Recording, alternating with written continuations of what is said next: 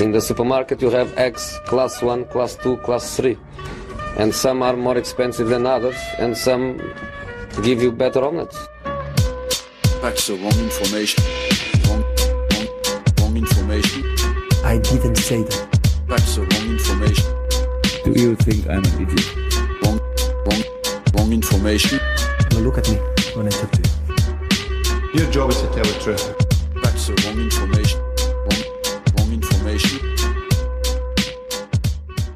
Hej och välkomna ska ni vara till denna veckans avsnitt av Sportbladets Silly Season-podd. Jag heter som bekant Kristoffer Karlsson. Jag sitter här som bekant istället för Patrik Syk som alltjämt tar semester. Men vi jobbar på, eller hur Patrik Sjögren som är inne från sin semester för andra veckan i rad här nu Det va? här är ju normaltillstånd nu känner jag. Patrik Syk är ledig, du och jag sitter här och eh, offrar oss. Nej, offra är fel ord. Det är det här man ska göra. Det är det här som är kul ju. Syk vet ju inte vad han missar. Nej. Och den här veckan så skippar vi nog de mörka rösterna. Vi skippar den där whiskyn och kaffet där mot slutet. Eller hur? Jag var hellre mitt kaffe förra veckan. Det var helt stört när man lyssnade sista 15. Ja, men jag tog lika mycket så det, Aldrig varit så släpig i mitt liv. Det jämnade ut sig. Det påminner lite om när vi körde bakfyllepodden faktiskt. Förutom de här riktigt tunga inandningarna. Va, Just det, det var efter någon Sportbladet sommarfest. Ja det var det. Fredrik hade kört sin fyllepodd. Då gick vi på med bakfyllepodden efter sommarfesten Sportbladet. Det var, det var en tung podd kan jag säga. Ja, jag förstår Den var släpig. Ja, den här veckan, ja vad händer egentligen? Mycket handlar om Manchester United. Som bekant, Louis van Gaal, Champions Cup-mästare direkt. Jag säger det som om det betyder någonting. Wow, han vann Han Champions Cup. han inledde liksom. med en titel. Nej, för helvete. Kristoffer Pettersson spelade liksom sista kvarten något för Liverpool. Så att de, de gick för en seger där. Inbytt igen. Trevligt för Kristoffer. Ja, kul men eh, återigen, jag tror inte att eh, vi ska lägga någon vikt alls vid det egentligen. Det visar väl att han är en bit fram, men det är inte så att han är på väg in i A-laget. Mm. Tyvärr. Van Gaal har blivit lite klokare kanske på den trupp han besitter. eh, Vilka namn som ska ut, vilka namn som kanske ska in också. Och The Guardian rapporterar faktiskt att Atletico Madrid vill köpa Kagawa och Chicharito i en paketdeal för 25 miljoner pund. Och en paketdeal till att börja med. Vad, vad tänker vi om sånt? Hur ofta händer en paketdeal? Det händer ju aldrig som vi brukar säga. Nej. Det händer ungefär lika ofta som en bytesaffär händer. Det händer någon gång var tionde år känns det som. Så Mm. det är mellan två så stora klubbar och så stora spelare med så stora egon som de två ändå, jag förmodar att de har det, då brukar man inte vilja gå i en paketdeal. Nej. Och du satt inför inspelningarna och hyllade The Guardian som har de här uppgifterna. Backar du här då kanske? Nej, men man kan väl tänka att Atletico kanske Kanske är sugna på Kagawa och Chicharito. Alltså kolla hur landet ligger där, om någon av dem är tillgänglig och sådär. Sen betyder inte det att de kommer köpa båda i en slags paketdeal. Det som det verkar är väl att det finns någon slags kontakt mellan United och Atletico i alla fall. Atletico har ju fått in lite pengar och sådär och värvat sjukt bra som vi var inne på förra veckan. Så att de är fortfarande ute och fiskar lite i alla fall. Det verkar alltså inte som att det här målet mot Real Madrid räddar Chicharito kvar i United. Men vill han vara kvar? Det är väl en annan fråga att besvara. Ja, det känns ju inte så. Jag ser inte vad han ska... Alltså han har ju en, eh, en stor kapacitet och eh, han har ju fortfarande inte fått chansen på allvar där än, känns det som. Så det är ju verkligen dags att dra. Samma med Kagawa. Just Atletico, där hakar Mundo Deportivo på och skriver att United vill eh, ha Arda Turan i utbyte.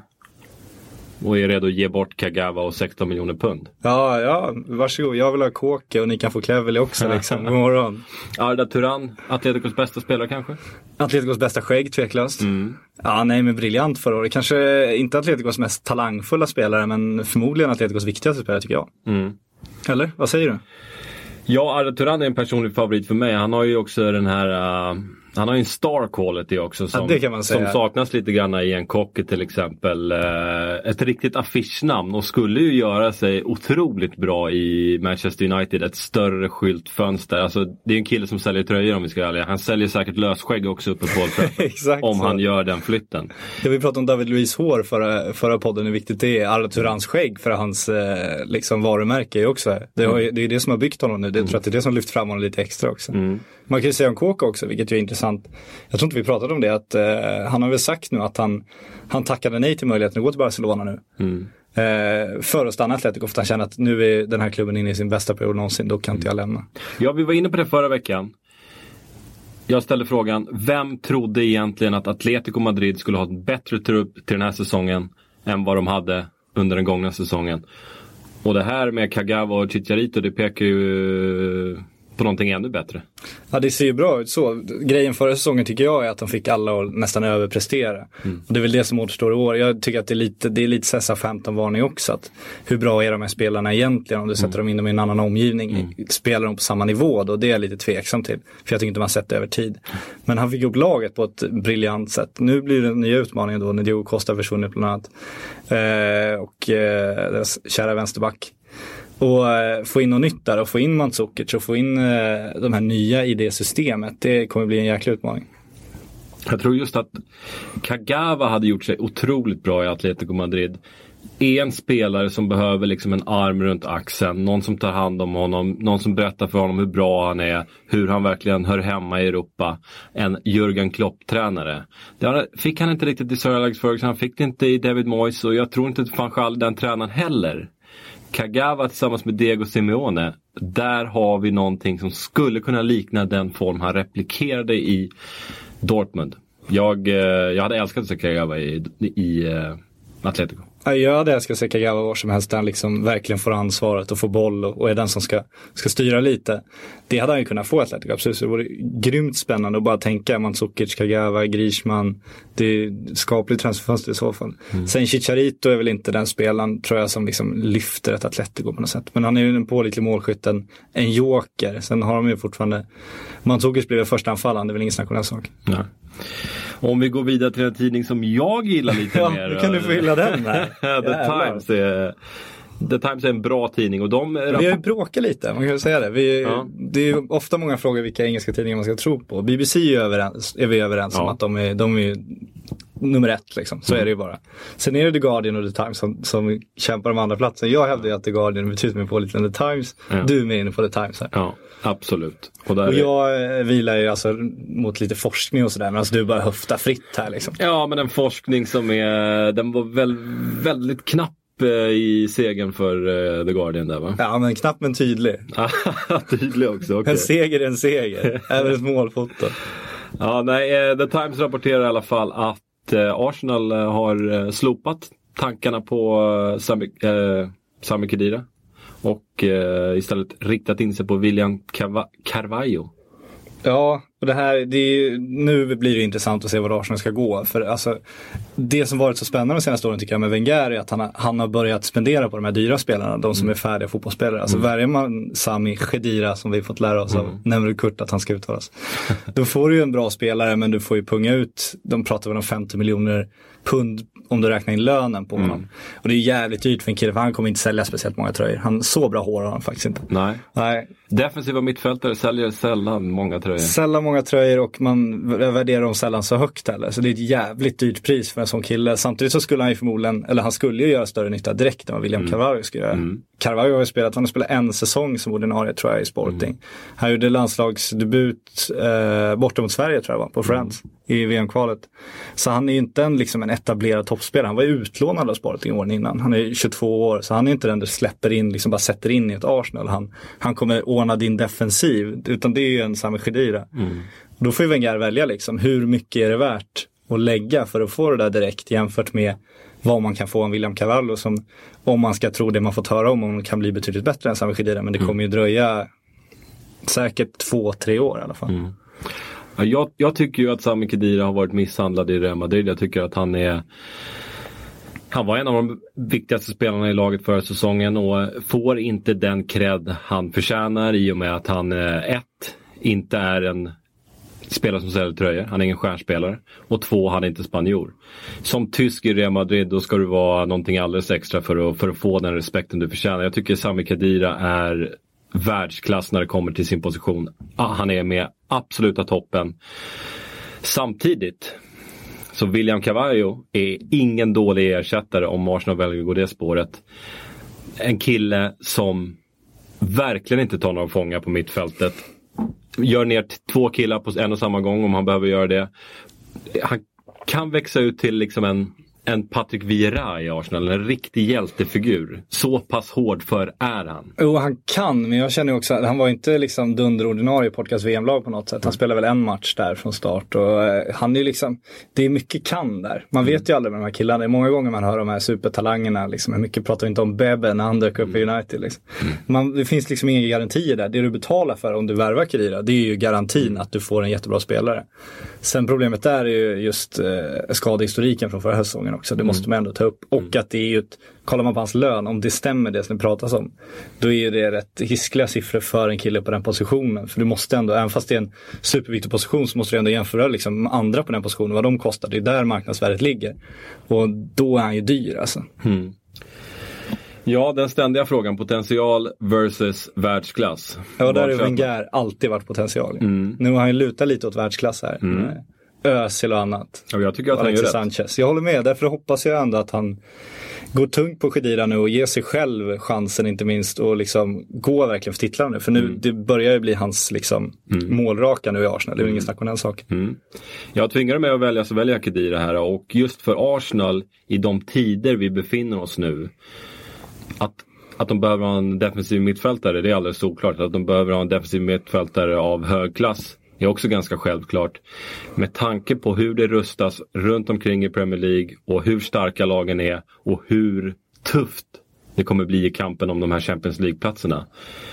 De är inte bara Champions League, jag tycker vi ska prata om ligatiteln. Jag tycker att det är Absolut. dags att Arsenal, liksom, de ska inte så här, ja men vad behöver komma fyra? De ska ju gå för det. Mm. Det, är, det är nu eller aldrig känns det. För nu har de ändå fått in ruskigt bra kvalitet. Det är som sagt Wengers målraka. Nu ska man fan sluta prata Champions League. Nu ska man prata ligatitel tycker jag. Absolut, in med Kedira så är det en titelkandidat. Ja, håller med. Jag hade sagt rejäl titelkandidat om jag inte var så pass imponerad av Chelsea som jag är. För jag tror att Chelsea eh, får gälla som ganska stor favorit i år. Jag håller med Chelsea ruskiga jämför truppen också. Alltså Arsenal, det är fortfarande, om man kollar Arsenals mittfält, jag tycker fortfarande att det är fortfarande potential framför liksom världsklass. Man vet inte exakt vad man ko- kommer få ut av dem. Det vet man ju vad man får av, av Chelsea-spelare om man säger så. En annan klubb som kommer göra upp där uppe det är Liverpool. Eh, och där ryktas det i dessa dagar om Wilfred Boni. Som eh, det nya spåret i jakten på den här anfallaren. Då. Och där ska Swansea ha släppt den här eh, 19 miljoner pund stora utköpsklausulen.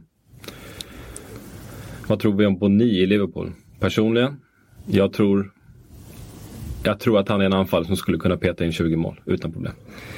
Ja, utan problem. Alltså, det är lite målgaranti på Boni, det tycker jag också. Men jag tycker att det låter konstigt om de släppt den där klausulen då. Men, eh, nej, men det hade varit en spännande värvning. Samtidigt inte det där, vi har ju pratat om det. Jag vill att, man vill ju att Liverpool liksom så här, Suarez har gått, vi måste ha in liksom världsspelare där om de ska lyckas. Liksom. Och jag tycker fortfarande inte att Boni är den kategorin heller. Han är steget under om man säger så, minst sagt. För vi är överens om att Sturridge skulle behöva en riktigt bra anfall. Sturridge tycker jag fortfarande är lite jokern nu. Han behöver ju någon pålitlig person bredvid sig. Han är inte den som kan hjälpa en annan kille in i laget. Liksom. Där har vi nästa, nästa problem. 22 mål under förra säsongen. Då spelade han med Luis Suarez. Ja. Som det ser ut nu utan Luis Suarez. Så är nästan så skulle han nästan behöva göra 25-30 mål nästa säsong. Ja, och vad- det är ganska mycket att begära av en kille som hade en fantastisk säsong och petar in 22 stycken. Den här killen är ung. Ett lag i medgång gjorde han det för också med en anfallspartner som är väldigt briljant som är lika bra framspelare som målskytt. Vilket ju Boni inte riktigt är. Boni är mer en målgaranti. Så vad händer med Sturridge om han står bredvid Boni återstår också att se. Det är ju så, men det är så lätt att övervärdera de här killarna som liksom flugit en sommar om man säger så. Man, man vet inte riktigt vad man får om man inte sett dem flera år göra samma sak. Och det, ska bli, det är nästan det mest intressanta med Liverpool, att se hur de andra spelarna reagerar utan Suarez. Hur det kommer påverka deras liksom, framfart, hur man ser på dem.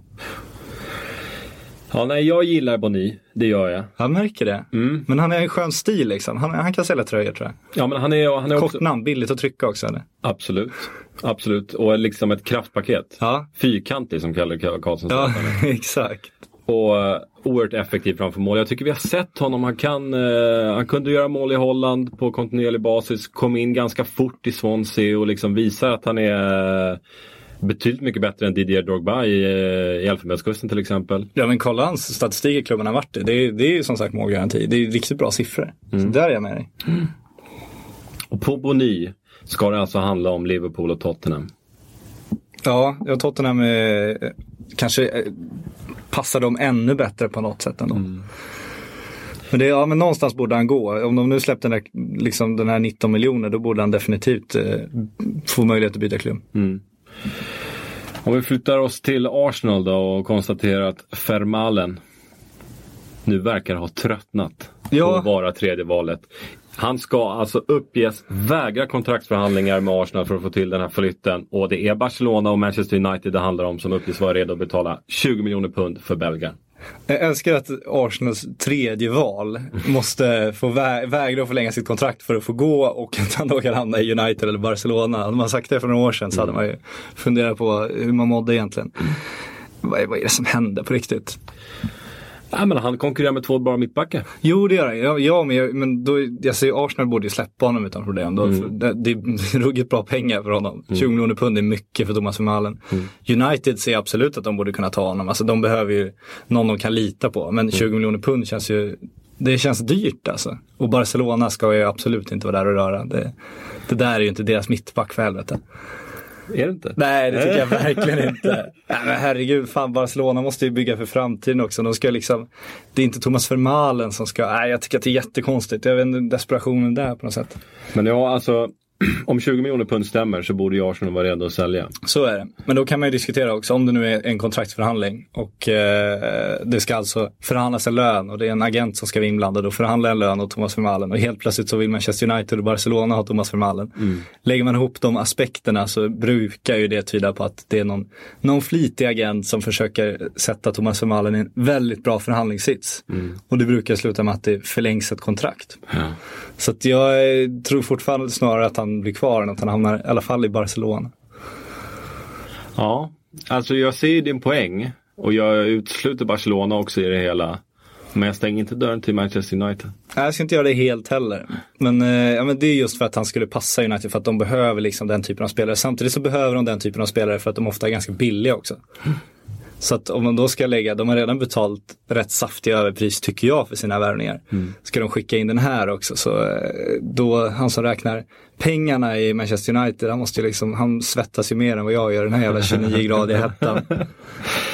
En story som fångade mitt öga den här veckan. Det är att Sunderland ska vara intresserad av Samuel Eto'o som nu är bossman. Jag är så fascinerad av att Eto'o inte bara redan sitter på ett flygplan någonstans till Asien. Liksom.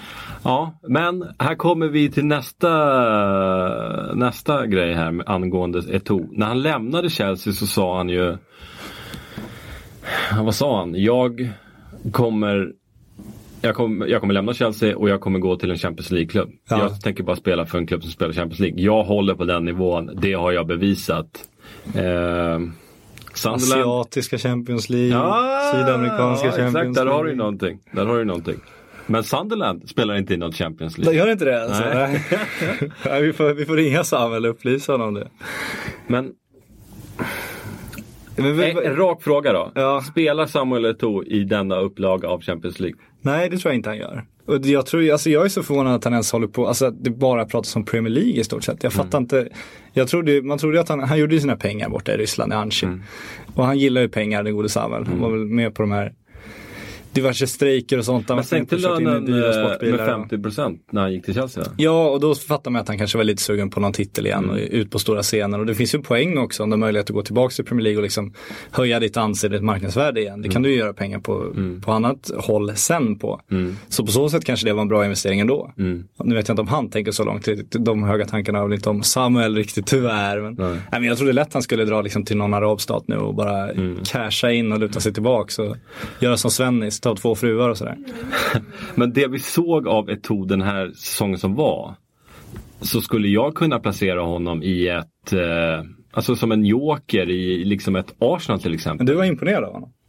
Jag, jag, jag tycker han har målen fortfarande. Han har ju ingen speed längre. Men han har ju den här målfarligheten som gör honom till en, liksom en nyttig supersub när man, när man jagar ett mål. Men lönen kanske är för hög. Lönen och kommer Tå sitta utan att gnälla på bänken en hel säsong? Jag vet fan heller. Det känns som man köper sig problem där. Jag tror ju att Eto'o skulle kunna sitta bänk. Jag, alltså, det intrycket man får av honom är ju att han är liksom, bortsett från att han bråkar med kam kam kameranska fotbollsförbundet så tycker jag att man får intrycket av att han är liksom en reko kille. Du tycker han är en sympatisk människa. Jag tycker han är ganska... Han sitter på ett flygplan med Anchi, han sitter i sin jävla superfåtölj. Han har liksom typ åtta klockor på sig, 40 mobiler ligger runt honom. Han har någon jävla så här pimppäls typ liksom. Ja. Du känner att det här, det här är en kille jag kan relatera till. Men- en kille med fötterna på jorden. Men så åker Kamerun ut i VM och han lämnar arenan och står och kramar om en liten pojke i 30 sekunder. Det är liksom sånt som smälter mitt hjärta. Ja, det var väl, väldigt fint gjort, det tycker jag också. Samuel var ledsen, han behövde tröstas. Han ville inte trösta pojkar, han ville trösta sig själv. Eto'o, sympatisk eller inte. Använd hashtag Sillypodden för att berätta för oss vad ni tycker. Ja, snälla, är vi förblindade av hans, eh, hans lyx? Eller är han som Är jag säger, av kraven? En, bra person. Jag tycker inte vi är riktigt klara med United. Nej, det tycker inte jag heller. Eh, vi har knappt rört United. Nej. Och jag läste att Aston Villa Mm. vill förlänga med Ron Flair. Och tänker, herregud. Varför rycker ingen 29-åriga Ron Flair från Aston Villa? Med tanke på hur han, var i, hur han presterade i VM. Det jag tänker sen VM är, herregud vad alla gillar holländare helt plötsligt. Mm. Varenda holländare. Varenda holländare ska ju till Manchester United, varenda holländare ska till någon toppklubb, varenda holländare är bäst i världen. Ja men alltså det är ju en, liksom en handfull holländare som har kopplats ihop med Manchester United. Men Ron Flair har inte riktigt varit där. Nej, Och det tycker jag är konstigt för Manchester United behöver mittback. det håller jag med om. Samtidigt så, alltså det är svårt, den är, det är ett poplag Holland också liksom. Det gick bra för dem, de var svinbra, de hade väldigt många från Eredivisie. Samtidigt så är Holland ett sånt land som alltid kommer vara ganska bra på som landslag för att de har sin spelmodell i- i Eredivisie. Många spelar på samma sätt, det är väldigt offensiv fotboll, alla vet hur det ska fungera, det är, total, det är fortfarande en totalfotboll. Så det är ganska lätt för dem att spela upp sitt lag på det sättet. Det gör ju att liksom spelare i det systemet tycker jag lätt blir övervärderade. Helt plötsligt så var ju liksom Hollands spelare bäst i världen men de spelar fortfarande i, i Feyenoord och Ajax och det finns en anledning till att de gör det. Nu spelar ju Flair Aston Villa men han kommer dit ganska sent i karriären. Han har ju liksom aldrig nämnt som, som någon superspelare tidigare och helt plötsligt för att det går väldigt bra för Hollands landslag och de är imponerade och de spelar rolig fotboll och, eh, så är liksom alla bäst i världen. Det tycker jag helt. Det, där tycker jag man måste slå hål på den myten lite. Sen håller jag med om det, alltså jag håller med om att Manchester United inte ska in en 22-årig mittback. Manchester United ska in en 29-årig mittback. Men jag är inte lika säker på att Ron Flair är namnet. Det beror på lite. Så du menar att vi ska låta Ron Flair förlänga med Aston Villa, en klubb som jag tror kommer ha en eh, dålig säsong. Och bara låta honom tina bort det. Tina Bo- han kan ju bli en ikon i Birmingham för fan. Han kan ju bli den nya Olof Mellberg. Han kanske också får en sån här fin avskedsnot från Zlatan han lägger av. Nej, det kanske inte tror. Men, eh, nej, men jag ser ju gärna att den typen av spelare liksom blir någon slags ikoner i Aston Villa snarare än att bli en utfyllnadsspelare i Manchester United. Så om, om jag var spelare själv skulle jag ju hellre vara liksom någon slags bärande kille i ett lite sämre lag och liksom smöra sönder mig för fansen så jag har det kanon på stan sen. Än att sitta liksom och han, skulle, han skulle ju inte bli Manchester Uniteds nya försvarschef. Han skulle ju inte bli den som liksom bär någon tills han är 35. Eller? Jag, tr- jag tror att han skulle kunna bilda ett väldigt vasst eh, mittbackspar tillsammans med, med en Evans eller en Phil Jones. Det tror jag absolut. Och jag blir förundrad över att eh, van Gaal inte Men går man för titta på den möjligheten med, han med Ron Flair- och Johnny Evans i mittförsvaret? Ja. Ja, då är vi inte överens. Det är vi inte. Vem vill du ha in då? Nej, men, jag, jag, jag, Du vill ha in en general här. Jag vill ha in en general. Ja. Ja. men det är ändå en Vidic och Ferdinand som försvunnit på kort tid. Jag tycker att där behövs det ju ett, ett namn, liksom, en kille med auktoritet. En snubbe som varit med på den nivån. Jag tycker inte att Johnny Evans och Ron Flair, det är, det är inte så att jag skulle liksom ramla av stolen och jag åkte till bortamatch på Old Trafford och ställdes mot dem. Ron Flair alltså. Vi tycker olika om Ron Flair. Ja, men jag gillar ju Ron Flair, det är en pålitlig spelare så, men jag tycker fortfarande att han, är, han kommer ju hålla en bra nivå, men han, jag tror aldrig att han kommer liksom vara exceptionellt bra och vara den som liksom lyfter ett lag. Och ska du gå för topplaceringar i Premier League, jämför med de andra topplagen liksom. Du kan inte ha okej spelare. Och jag tycker inte att John Evans är, ja, jag ska inte säga för mycket om John Evans. Nej men pilla in Phil Jones där istället. Tack. Jag tänkte om vi har Evans där då kan vi köra upp Jones på mittfältet. Då blir det ännu bättre. Men, men, men, men, men. Vi låter Ron Flair förlänga med Kan du inte hylla Phil Jones nu också? Fan, jag fick skit när jag kritiserade honom lite förut. Var, Ja men det ska du ha också. fan, fan. eh, nej men vi låter Aston Villa förlänga med Ron Flair. Punkt. Är vi överens där alltså? Du släpper honom? Ja, ja, du sätter ju liksom eh, hälarna i backen. Jag kan inte göra någonting. Eh, Även om jag hade gärna sett van Gaal gå för Flör. Sådär. Barcelona, Ja, apropå mittbackar. ja. Det börjar hända lite grann nu, de hade ju ryktas kl- lite. Klart en mittback häromdagen ju. Ja, Jeremejeff Mathieu. Jag röker när jag vill. Nej, det var inte han jag tänkte på. Ja, nu tänker du på Titus Bramble. Bramble, klart En liten. Twitter-story här. Ja, det var fantastiskt. Den kan du få berätta om. Jag har aldrig, aldrig varit så lycklig i mitt liv. Jo, det har jag varit. Men jag älskar ju såna här grejer. Helt plötsligt sa någon som är väldigt duktig på Photoshop. Gjort en bild när eh, Titus Bramble, som är väldigt kontraktslös nu. Ja, sen ett år tillbaka. Sen ett år tillbaka, typ 33-34 år jag. Eh, gamla engelska försvarschefen. Mm. Eh, de hade ja, photoshopat in honom när han stod och presenterade sig FC Barcelona med sin Barcelona-tröja som det mycket riktigt stod Bramble på. Och så var det ett fejkkonto på Twitter, det här är mytomspunna Barca-staff är ju jäkligt bra. Det ska vi hylla. Ja, mycket, mycket bra. Men det finns ett fejkkonto som heter Barca-staff med två S istället. Så då skickade ut att kolla Titus Bramble är klar för Barcelona. Och så drog de ut lite senare så här, eh, Carlos Puyol kräver nu att eh, Busquets ska släppa nummer fem till Bramble. Och så skickade de ut lite senare, ja, Barcelona har nu sålt 225 000 tröjor med Titus Brambles namn på. Det var en bra bild. Det tog mig En lite tid bra att bild. Ja, och det var många som hängde på. Mm. Och de flesta avslöjade bluffen rätt snabbt, men det var ändå diskussioner bland de här engelska journalisterna. De är väldigt högt anseende. Så att, eh, vaknade i morse till chocknyheten att Tice Bramble, alltså de fattade att det var fejk, men de började ändå diskutera det. Mm. Ja. För det, det tog ju verkligen fart. Mm. Så att eh, han kanske är klar. Inte. Titus Bramble. Vi får kolla när vi är klara med podden. Men vi kan väl vi drar ut bilden på Twitter kan vi lova. Och Ja. Instagram också. Absolut. Så eh, ni får njuta av denna här, härliga... Ja, men det är så sjukt, bara för att någon kan Photoshop väldigt, väldigt bra så kan du helt plötsligt få hela Europa att prata Mm. om att en 33-årig lätt handikappad vid det här laget, Mm. rent fysiskt då, alltså, liksom helt slut fotbollsspelare kan vara klar för en Spaniens största klubb nästan. Det är... Den blev ett fenomen den här bilden och den ska vi definitivt lägga upp. Men mittbackar som sagt, seriösa kandidater. Jaha, okej. Bramble Du släpper Sido. Bramble. Bramble och. Sido. Kan Mathieu bli klar kan fan Bramble bli klar. Men det har ju ryktats lite grann om mittbackar nu. Ja, det börjar ta fart nu. Ja, eller vad fan, det har ryktats i tre år men det händer ju inte ett skit. Så. Ja men nu känns det på något helt annat sätt. Vi har Mathieu klar Ja, och nu börjar vi rykta lite grann, äh, lite större namn. mm, det gör vi. Jerome Boateng till exempel, Ja. från Bayern München. Mm. Barcelona ska vilja ha honom och det uppger tyska bild. Och då betonar jag tyska bild för tyska bild har koll på vilken klubb då. Bayern Munich, FC Bayern. Ja, och då finns det ett intresse där, det kan vi utgå från. Eh, det kunde vi utgå från ett dygn tills eh, Pep Guardiola sa att han var 100% säker på att Jerome Boateng spelar i Bayern nästa säsong och Barcelona sa att eh, de inte är intresserade av Jerome Boateng. Nu kan vi nog undra varför det stod så i bild och fundera på om det är sant eller om eh, det finns någon annan anledning. Jag utgår från att det är sant. Men att Guardiola vill annat. Det kan vara, eller så har det varit sant men att de liksom inte kunde komma överens, att Bayern sa nej. Du tror inte att ledningen är mer benägna att sälja än vad Guardiola är?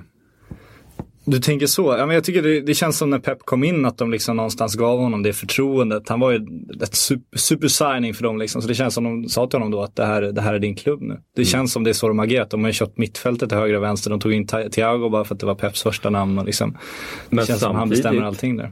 Samtidigt kunde de inte ge Kroos den lön han ville ha. Nej, Så Guardiola förlorade sin uh, lilla favoritspelare där. det var hans favoritspelare. Det kan man också fundera. Jag tror inte han ville ha in Thiago på den positionen. Jag tror att han hade velat ha kvar Kroos om vi säger så. Ja, det tror jag också. Men jag vet inte om det var hans första val.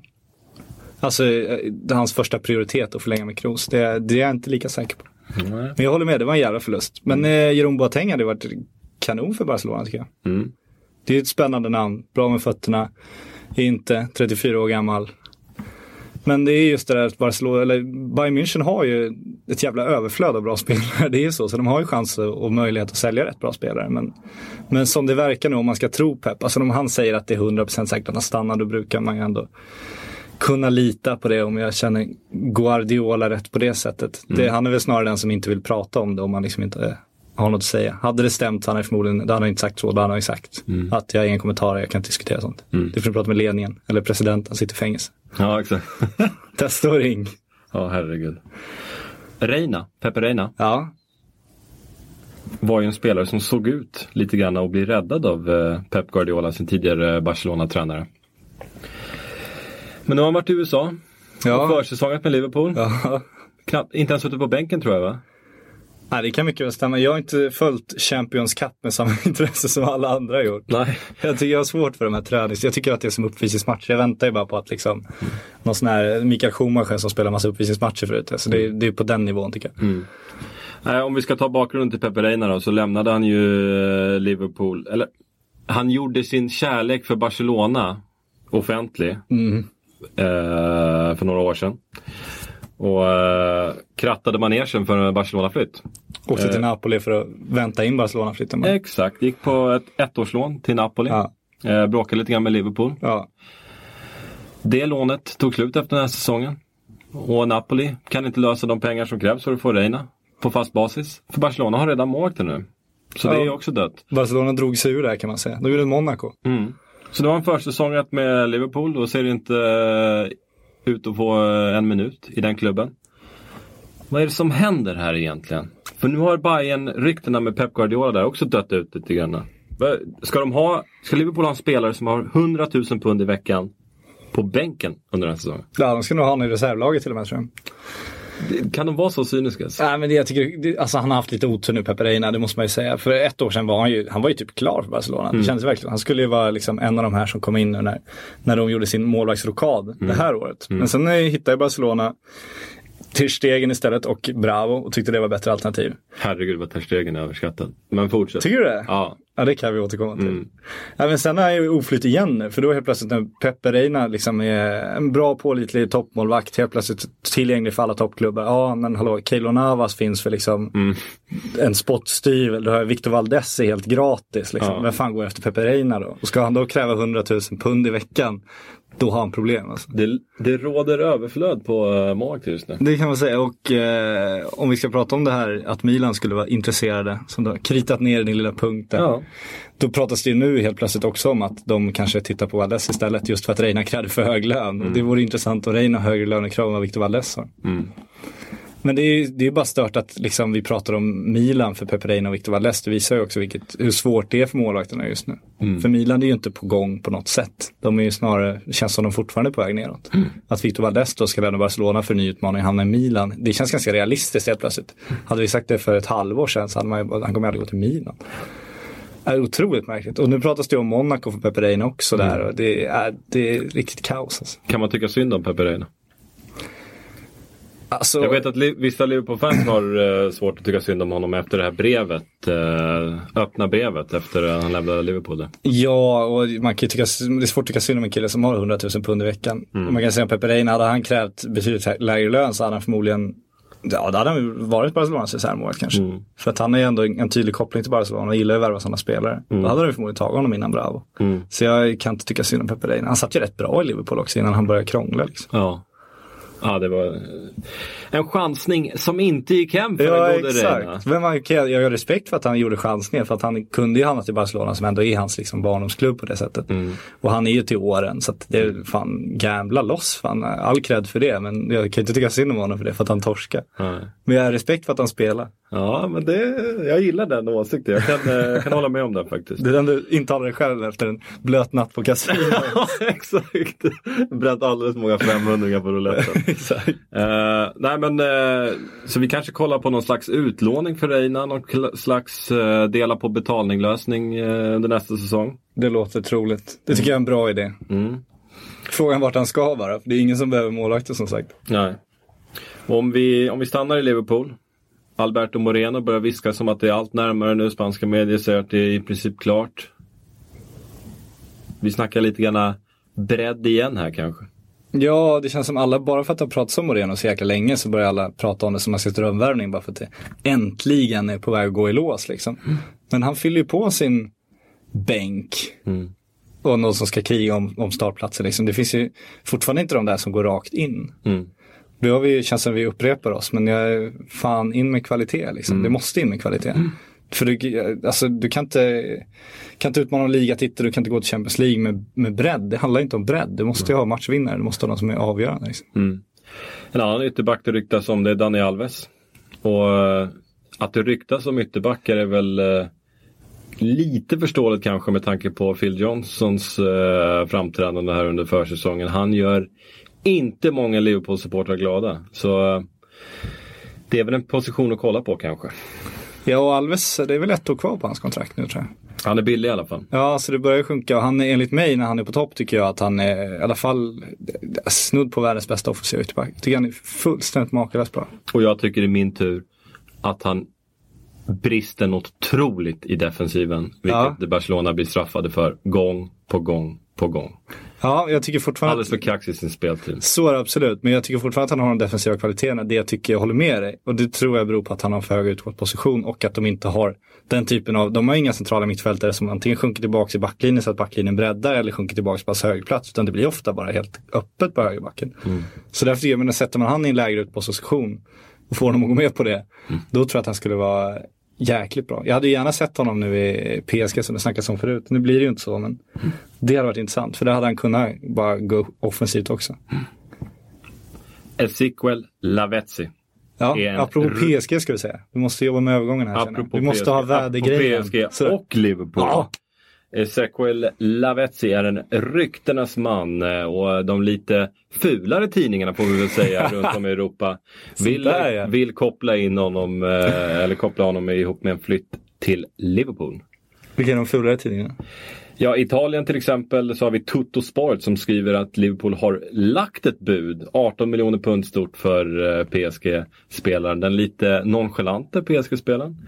Eh, och i England så har vi Daily Express eh, som skriver att Liverpool väntar, li- väntar på lite grann av pengarna från eh, Suarez-affären för att kunna trappa upp jakten på den här Varför tycker du han är nonchalant? Ja, men han är ju lite grann sådär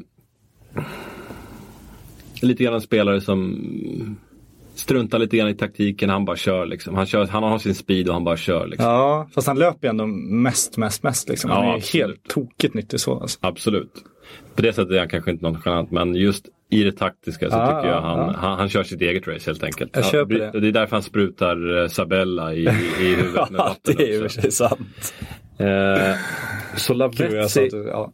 Lavezzi till Liverpool. Liverpool värvar PSG, det hade varit ganska sexigt. Det här var sexigt och Lavetzi borde ju flytta på sig tycker jag. För att jag hoppas att PSG ska spela med två anfallare. För det, det var ju det Cavani blev lovad. Och ska de nu ha Cavani kvar, vilket det ju verkar som, då får de väl sätta honom bredvid Zlatan tycker jag. Och så liksom lita på sitt mittfält. Då får de ytterligare en till talangfull mittfältare de kan putta in också. Det känns ju också bra tycker jag. Om de nu ska in Di Maria också. Ja, det känns som att det är lite grann en del av PSGs mognad att, att släppa tremannaanfallet. Eh, ska, ska man vara med och slåss där uppe med de riktigt stora i Europa så, så är tre anfallare lite naivt kan jag tycka. Och, eh, så det låter ju rimligt. Lavezzi i Liverpool, ja. Alltså tygla Lavezzi som är som är sin egen man som sagt. Det är, det är väl eh, en uppgift för Rodgers om någon, tänker jag. Ja, ska man slakta Daily Express uppgifter, vilket vi, vi kan roa oss med, så är det att de skulle vänta på några eh, Suarez-pengar. Det, det är ju bara idiotiskt. Alltså, men, dels så Men det är som ju... du, så sitter, du sitter och väntar på din lön den 24. Exakt. 24, när får du din lön egentligen? Nej, men det man kan säga om det där det är att eh, alltså, dels så har du avbetalningsplan, det är tydliga datum när pengarna ska komma. Om inte pengarna har kommit så är det inte svårt att lösa en eh, bankgaranti på pengarna eftersom du har eh, en tydlig, liksom, då det datumet kommer vi få in liksom 300 miljoner till. Det är inte svårt att få loss de pengarna och det är inga som helst problem. Så att det där är ju bara skitsnack att de väntar på några Suarez-pengar. Det, det gör de ju inte. Det kan de ju låna upp i så fall. Det, det tror jag inte en sekund på. Och sen att de skulle vilja ha Lavetzi, alltså det känns också som det här är att någon krattar lite för att Lavetzi är ju tillgänglig. Det måste han ju vara. Det är ju verkligen känslan. Och känslan är att kan- intresset kanske inte är så jäkla stort. Så att snarare att det är från Lavetzi-håll de här uppgifterna kommer än från Liverpool-håll. Och jag är också som dig lite svårt att se Lavetzi i Liverpool. jag, jag har svårt att se dem i staden Liverpool också. Ja, det Alltså, också. det här är en kille som gillar att liksom, han lever livet. Han är fotbollsproffs, han gillar att njuta av det som kommer till honom. Och Liverpool som stad är eh, Alltså den är vacker, den är med hamnen och allting men eh, frågan är om den har den fart och glitter och glamour som Lavetzi kanske vill ha i en stadig spelare. Nej, ska vi ta lite insight som jag tror inte är helt publicerade uppgifter. Det är ju att Lavetzi, det han ska ha gillat bäst nästan när han kom till Paris var ju att, det var ju som det de sa till Zlatan när han kom till PSG. Att du kommer få vara i fred, här bryr sig folk inte om fotbollsspelare och sådär. Sen blev det ju fullständigt kaos kring Zlatan för att han blev för stor. Men Lavetzi, det blev precis den situationen. I Neapel kunde inte han gå ut på det sättet. Det, var ju, det är ju en kaosstad för fotbollsspelare, det går inte att leva där. Så det han uppskattar mest med Paris var att han kunde gå ut och parta liksom. Och det gjorde han tydligen rätt flitigt i början kan man säga. Ja. Så de fick ju ta han i nackhåret där till slut och säga åt honom att du får fan skärpa dig lite nu. För han, han, liksom, han var frekvent besökare i Paris uteliv. Mm. Och går han ut och klubbar i Liverpool kan vi räkna med att han blir filmad av lite mobilkameror. Ja, man ska inte gå in på en klubb i Liverpool och önska Phil Collins och tro att man kommer undan med det. Liksom. Det, det kommer liksom inte funka. En annan sån här stor story som jag fastnat för den här veckan det är en eh, bild. Ja, och inte tyska bild nu. Utan... Nej, det här är en bild i bokstavligt talat eh, Jorge Mendes. Den portugisiska superagenten eh, som har bland annat Cristiano Ronaldo, Ja, eh, James Rodriguez, Marta va? Marta också. Tror jag. Mm. Jag chansar nu. Han har en drös med toppspelare. Ja. Det, det är han och Mino Raiola som ger upp om de, om de största stjärnorna i, i Ja, sporten. man kan säga han kontrollerar väl Real och Monaco ganska rakt av Mm. kan man säga. Ja, absolut. Jorge Mendes har eh, Real, han har Monaco och så har eh, Raiola PSG då. Ja, de har ju en liten minibetal där Viss, i ligan. vissa ingångar i Milan fortfarande. Mm. Han har i alla fall dykt upp i ett eh, möte eh, på bild på i ett Herregud, svenska Kristoffer. Jorge Mendes syns på den här bilden i möte med Florentino Perez i Madrid. Och eh, ja, vad snackar de om Patrik? Jag snackar om, det alla tror att de snackar om är Di Maria.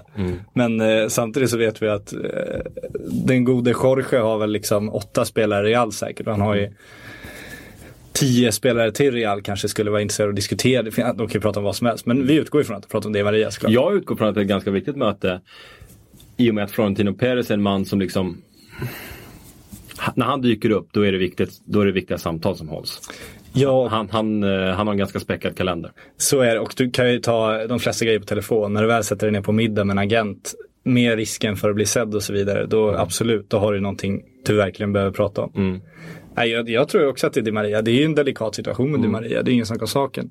Och känslan är ju att Real verkligen är ute efter att sälja antingen Sami Khedira eller Di Maria, helst båda. För de har ju betalat dyrt nu. Bland annat för vår VM-favorit James Rodriguez. Så de behöver sälja och eh, då är frågan vad de ska göra med Di Maria nu. Nu pratas det helt plötsligt om att Monaco ska vara på väg in och utmana PSG också. Det känns väl kanske som ett förhandlingstrick men men eh, om man ska tro det senaste så är det det att Di Maria vill till PSG. Och ska han gå dit så vill ju PSG liksom låna honom en säsong först. För att undvika de här FFP-reglerna. Och det blir ju en jävligt komplicerad affär. Då behöver man nog övertyga Florentino Perez om att han ska stå över några miljoner ett år och, och eh, göra Uefa rasande. Att det ska vara värt det. Och det är väl det Jorge Mendes kanske gör på det mötet. Så realistiska samtalsämnen är Di Maria. Ja. Cristiano Ronaldo ska ha nytt kontrakt kan man aldrig utesluta. Nej. Klart gubben ska höja sin lön. Har ju Messi gått om igen. Den ska med där. Men jag tänker också Falcao. Ja, absolut. Falcao kan de också ha snackat om. Ja, definitivt. Och angående Di Maria så tänker jag Jorge Mendes, Monaco-mannen som sagt. Hade jag varit PSG-supporter så hade jag varit lite orolig över det mötet. Om du förstår vad jag menar. Jag förstår vad du menar. För att, att Jorge Mendes ska ta Di Maria till PSG, det, det utesluter jag nästan. Nej, jag, jag håller det som det mest troliga fortfarande. Alltså Di Maria ska inte till Monaco. Di Maria, han har vunnit Champions League nu. Han har tagit sina titlar. Han ska ha fame and liksom fortune nu. Han ska tjäna pengar och han ska bli berömd och han ska få en nyckelspelarroll. Monaco är inte på den nivån ännu. Det är inget snack om saken. De tappade Chamez, de kommer inte utmana PSG, de har inte den truppen för det. Det ser snarare ut som Falcao också ska bort. Jag tycker hela bygget håller på att riskeras efter den här berömda skilsmässan där han förlorar hälften av sina pengar, den goda ägaren. Så jag, jag tror att det ska enormt mycket till om Di Maria ska krita på för Monaco. Ja, det tror jag också. Men jag, jag tror inte att mötet handlar om Di Maria till PSG ändå. Jag tror att det handlar om Falcao i och med att det är Mendes på det här mötet. Jag tror att de snackar om den här äh, låneaffären då så att säga. Som tar äh, Falcao som anfallare till äh, Real Madrid. Ja, men jag utesluter inte det heller. Men jag, jag tror att Di Marias namn har nämnts. Ja, det är så. Ja, men jag tror det. Det, det är inget snack om att Di Maria är, är, är flyttagen. Liksom. Och eh, som sagt, Real behöver ju snarare sälja än att köpa just nu. Det är viktigt för att balansera böckerna, för även fast man har en stor liksom, ekonomisk reserv så handlar det om att gå plus minus noll mer eller mindre varje år nu för att liksom, möta de här reglerna. Du kan inte bara ta av bankerna och dina banklån och sådär. Så du måste ju sälja. Och den som är lättast att flytta på just nu är ju Di Maria. Och den som är lättast att kränga honom dyrt till är PSG. Trots att betalningen kan dröja ett år. Men det kan du skriva upp ganska tydligt i den här böckerna också. Vad tycker vi om eh, PSGs planer för att skippa Ja, FFP-reglerna? men det är ett stort jävla fuck you till Uefa, det är det ju.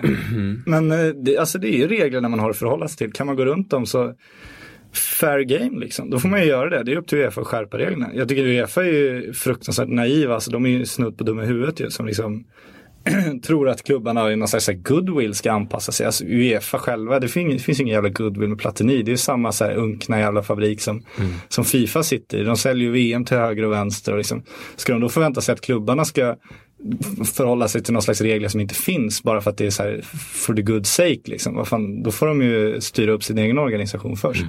Jag tycker att de är, förtroendet för Uefa i Fifa är ju liksom obefintligt. Så, att, så jag, jag hejar lite på PSG faktiskt. bara för att reta Uefa liksom. Ska vi konstatera att det blir ännu svårare att hålla rätt i silldjungeln med alla dessa affärer i framtiden då? Som läggs upp som låneaffär och sen köps ut ett år senare. Nej, jag tror inte det. Alltså, det, även fast det läggs upp som en låneaffär så kommer alltså PSG kommer inte betala 100 miljoner för ett lån och sen skita i att betala resten av summan för att få Di Maria. För det är ett jävla dyrt lån. Så att det är ju ett köp. Det är bara att pengarna kommer lite senare till Real. Och det är samma som vi sa om Suarez-pengarna. Och det är inte så att det kommer förhindra Real att köpa på ett år. Utan det är ju bara låna in de pengarna liksom, för du har ju en tydlig garanti när de kommer in och du kan visa dem i dina böcker för Uefa. Så att det där är ju bara ett sätt att kringgå reglerna. Och jag tror också att Uefa kommer skärpa de där reglerna väldigt snart om de ska ha någon slags trovärdighet i sitt FFP-system. Men Falcao och Benzema, vad tänker du, hur tänker du att de ska, ska man kvar Benzema? Ja, det ska de. De ska ha kvar eh, Benzema och jag tror att Falcao kan finna sig i en avbytarroll till att börja med. Och sen så får det ge sig självt vem som, vem som spelar. Jag tror att eh, om Falcao kommer till Real Madrid så kommer det vara BBC som vi kallar dem, Benzema, Bale och Ronaldo. Men så fort Benzema går mållös en eller två matcher så kommer Falcao få en chans. Och tar han den så, så har vi den nya rangordningen där. Vad blir det? Det blir BCF. Ja, det blir inte riktigt samma grej. Nej. Nej, vi får fundera på den. FCB kanske blir. Oh. Ja, det blir Ja, eller hur? FC Barcelona. Oj, oj, oj. Den är, den är smutsig. Den är kaxig. Ja, ja. Ska vi ta lite läsarfrågor på Det tycker jag absolut. Mm. Det är vår favoritdel av det hela. Ja, det är det faktiskt. Och i, idag har vi rekordmånga igen. Alltså. Herregud, jag har en hög med sidor här. Det är så när de andra tar semester, då Ja. jävlar. Nu kör vi. Och vi börjar med Samuel Karlsson som skriver Ta upp hur Everton bara kunde gå rakt in och köpa Lukaku. Och det, det är väl det gamla vanliga att man, slävar man upp pengarna då får man sin spelare. Det, det, det är inte svårare än så Patrik. Nej, det är det inte. Det de ska tacka sin lyckliga stjärna för var väl att Chelsea övertygade Lukaku att gå till Everton och inte till West Bromwich igen inför förra säsongen. För han vill väl tillbaks till VBA talades det om, men så tyckte Chelsea att Everton var ett bättre alternativ. Förmodligen fanns utveckling, men det blev väl bra för dem också för nu fick de en rejäl jävla penning för den killen. Ja, det är det, det jag snuddade på där lite tidigare. Betala, liksom, betalar du priset som behövs så får du spelaren och de har ju betalat ett pris här. Chelsea har ju fått eh, hyfsat betalt eh, med tanke på att Lukaku kostar Everton nästan lika mycket som Diego Costa kostade Chelsea. Så betala rätt pris så får du en spelare. Så är det. Samtidigt, Oavsett vilken klubb det är. ja, men samtidigt om man går tillbaks eh, tre, fyra år i tiden så var ju Lukaku liksom världens mest lovande spelare. Han var ju den som alla ville ha och Chelsea gick ju långt för att vinna den dragkampen. Och nu släpper de honom till Everton efter att han, han är, det är ju inte så att han inte har övertygat, han är fortfarande väldigt, väldigt bra. Men han har kanske inte nått den potential de hoppades. Och så vill han ju inte vara med och kriga om en plats i Chelsea plats för dem. Han ville väl ha garantier om en första, första positionen och det kunde de inte ge honom. Framförallt inte nu med Diego Costa också. Så för Everton tycker jag ändå att det är en, en bra investering om man ser till Lukakos rykte, hur mycket mål han har gjort och liksom får de möjligheten att köpa den typen av spelare, det får de inte. Nej. Om han inte har varit där på lån. Det hade de inte, då byggde han ju relation till den klubben. Så då, då är det kanon att slå till. Han kan fortfarande bli liksom hur bra som helst egentligen. Jag säger inte att han är det ännu men. Ja, jag har ju satt frågetecken kring hans attityd. Sen så, det blir svårt för Everton att tjäna så mycket pengar på den här spelaren. Ja, nej, det kommer Han säljs ju inte för mycket mer än 28 miljoner nästa gång han flyttar, om vi säger så. Nej, det tror inte jag heller. Det de kan få är ju antingen en kille som liksom spottar in mål flera säsonger i rad, vilket en klubb som Everton har väldigt svårt att köpa för pengar annars. Eller så får de ju tillbaka sina pengar och då hinner de ju få en del kassar innan också. Ludvig Billengren skriver Varför är inte en enda klubb intresserad av Hövedes? Han skulle ju lätt platsa i Manchester Uniteds back, backlinje exempelvis. Och det där är väl den enkla anledningen att eh, Hövdes sitter på ett eh, långt kontrakt med Schalke så det ska till ordentligt med pengar och eh, Hövdes är bra men eh, om han är liksom 25 miljoner pund, 30 miljoner pund bra, det är, det är en annan fråga. Sen har ju, ska man ha klart för sig, Guardiola varit där och flörtat lite. Jag reagerade på just det Guardiola-citatet när han skulle summera Tysklands insats i VM. Då, då var han inne på någonting i stil med liksom Ja, Tyskland, eh, Tyskland har gjort det bra. Jag är speciellt imponerad av Hövedes.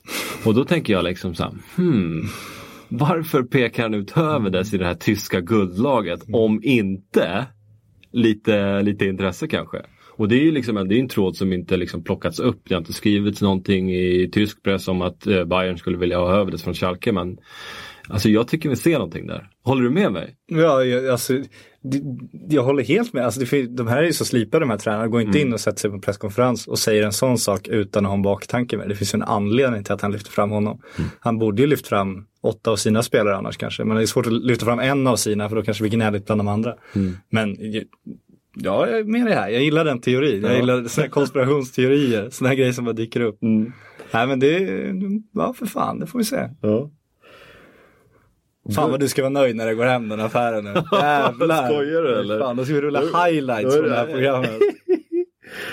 Gustav Ågren skriver Vem hade varit bäst? Carvalho, Schneiderlin eller Kedira till Arsenal? Den har vi snuddat lite grann vid tidigare och vi kom väl överens om att Kedira var, var bäst för Arsenal i det här läget va? Ja, ska man välja, om man bortser från pris och allting så är det bara att lyfta in Sami Khedira rätt, rätt av direkt. Mm. Sen, alltså den här, den här rykteskarusellen kring, kring eh, liksom en defensiv mittfältare till, eh, till Arsenal har ju varit den att Arsenal köper Kedira, Real Madrid köper Luis Gustavo från Wolfsburg.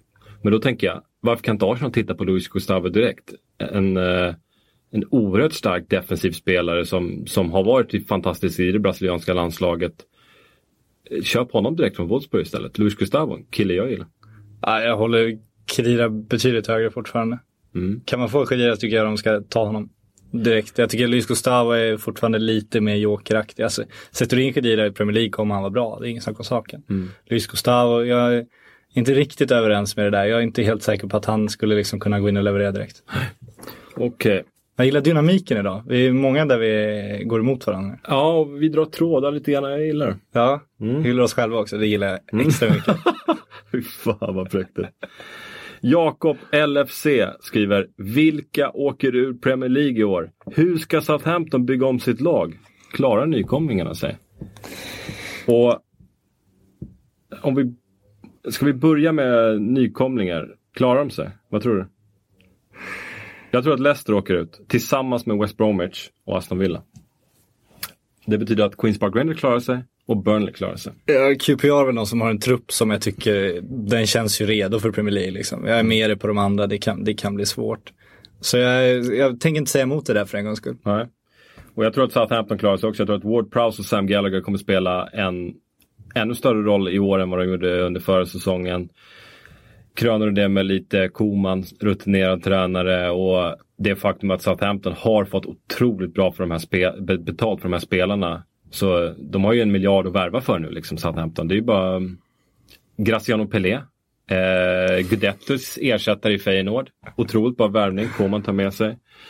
Eh, Dusan Tadic också en annan bra värvning. Så jag, jag är inte jätteorolig för Southampton om vi säger så. Nej, Det är inte jag heller. Det spelarna säger, de som lämnar där, det är att det finns, finns bra backup där som kommer från ungdomsledarna också, vilket ju man vill tro på när det gäller Southampton.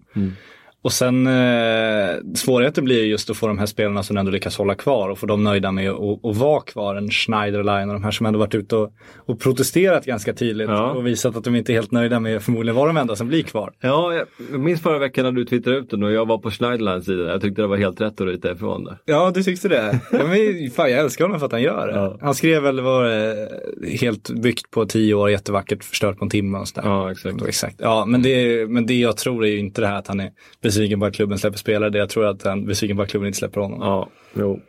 Det gick ju upp för mig eh, ett par minuter senare också. Ja, det känns ju så alltså.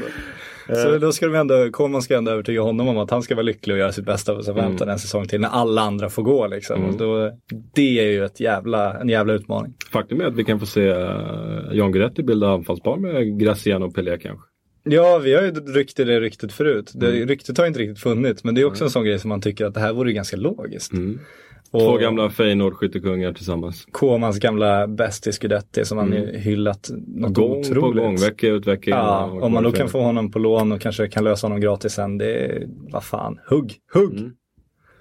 Vad kommer hända med Martin Olsson? Stannar han kvar i Norwich och hur långt har han kvar på kontraktet? Det är sådana spelare som ryktas bort när Norwich åker ur liksom. Ja. Men han hade ju oturen att förlänga ganska nyligen. Så han har ju ett kontrakt som är tre år kvar eller någonting på. ja, och han är väl en spelare de liksom tänker sig bygga någon slags lag kring. Han har en väldigt hög, hög status där. Mm. Och där har vi en, en gång Southampton har varit och rykt, ryktats om att vilja ha Olsson. Eh, men det var ju en spelare, en annan spelare glömde in i Southampton, Ryan Bertrand på lån från Chelsea. Täcker ju Olssons position där, vilket eh, stänger dörren Ja, och så är det. Sen kan man diskutera olika nivåer och vad det betyder och så vidare. Men jag tycker hellre att du är, liksom, har en riktigt hög status och är nyckelspelare i ett sämre lag, kanske i en sämre division till och med. Än att du är någon slags utfyllnadsspelare i ett Premier League-lag. Om vi ska prata för landslagets bästa, vilket vi, vi ofta tänker på när det kommer till svenska spelare. Då vill jag att Martin Olsson ska få självförtroende, ska få speltid och ha liksom en bärande roll. Det tror jag är mycket bättre för ett svenskt landslag än att han liksom är en kille som ska täcka en vänsterkant i ett Premier League-lag. Eh, nu ska vi se. Nu när Marcus Rosenberg helt plötsligt är vår näst bästa anfallare så behöver vi lite positiva nyheter till svenska landslaget också. Faktiskt. Jakob LFC, en till fråga från Jakob här. Vad ska Liverpool med Lalana till? Coutinho är mer talangfull och kommer bli bättre än Lalana. Pengar i sjön? Frågetecken. Ja, alltså jag tycker ju Lalana är ett ruskigt överpris, det vidhåller jag. Det sa jag redan innan folk började rycka om att det här kommer bli dyrt och det kommer ju förmodligen inte kanske var värt det. Jag är rädd för att han kommer bli en sån här, en ny Liverpool dyr engelsman som inte kanske blir hyfsad, men jag, jag litar inte på att han kommer liksom tillföra den där extra, extra kryddan som man ska få för de, de pengarna. Mm. Och här har vi den här eviga diskussionen om liksom, potential versus klass. Eh, där eh, Laja, Lalana, har fått lära mig som man säger, kommer, eh, skulle kunna kliva in och göra liksom, målen direkt. Eh, Coutinho kommer att växa ut till en betydligt bättre spelare än vad Lalana är, tror jag. Eh, och pengar i sjön skulle jag absolut inte säga. Det är konkurrens, du har alternativ, du har två stycken spelare som är ganska olika varandra. Jag, jag gillar, jag, eller, jag tror att Rodgers är oerhört nöjd med att han har båda två. Ja, det är väl inte riktigt direkt konkurrens heller. Alltså Lallana känns ju mer som en kantspringare på det sättet. Om Coutinho, eh, om han ska bli som bäst så ska han vara någon slags släpande anfallare med lite så instick och kreativt ansvar. Och det är väl ett problem när man är så pass lovande, ändå så pass ung och inte riktigt där. Att just om han ska få ut sin fulla potential så ska han nästan ha liksom playmaker-ansvar. Och det är svårt att ge en kille i en så stor klubb när han inte riktigt har den nivån ännu. Så eh, förhoppningsvis så kommer de ändå satsa stenhårt på honom. Då tror jag det kan vara bra. Risken är ju att han kommer flyttas ut och flyttas in och få spela på någon kant ibland och då kan det nog bli jobbigt. Men eh, absolut större potential än Lana har, det är väl ingen sån sak. Hussein Yusuf skriver, vad tycker ni om att FA, det engelska fotbollförbundet, vill införa B-lag i det engelska ligasystemet? Kan det öka antalet talanger? Och det här, om jag får gissa vad du tycker så tycker du att det här är åt helvete. För det tycker precis det, tycker, det är vad jag tycker. Kör din rant först så ska jag se om om vi är överens nu. Ja, men B-lag i seriesystemet förstör hela charmen med ett seriesystem. Räcker med att kolla på eh, Spanien. De har ju de här B-lagen som inte kan bli uppflyttade i högsta divisionen. Förstör ju all underhållning i, ett, i en sekunda liksom när, när när de här lagen som inte spelar för någonting sportsligt förutom att bevisa sig själva och ta steget upp i ett A-lag. Det döda, alltså för, jag, jag kan gilla att kolla på eh, Championship, jag kan gilla att kolla på Zweite Bundesliga, men jag kan inte gilla att kolla på Segundan med eh, de här B-lagen. Det, hela charmen försvinner.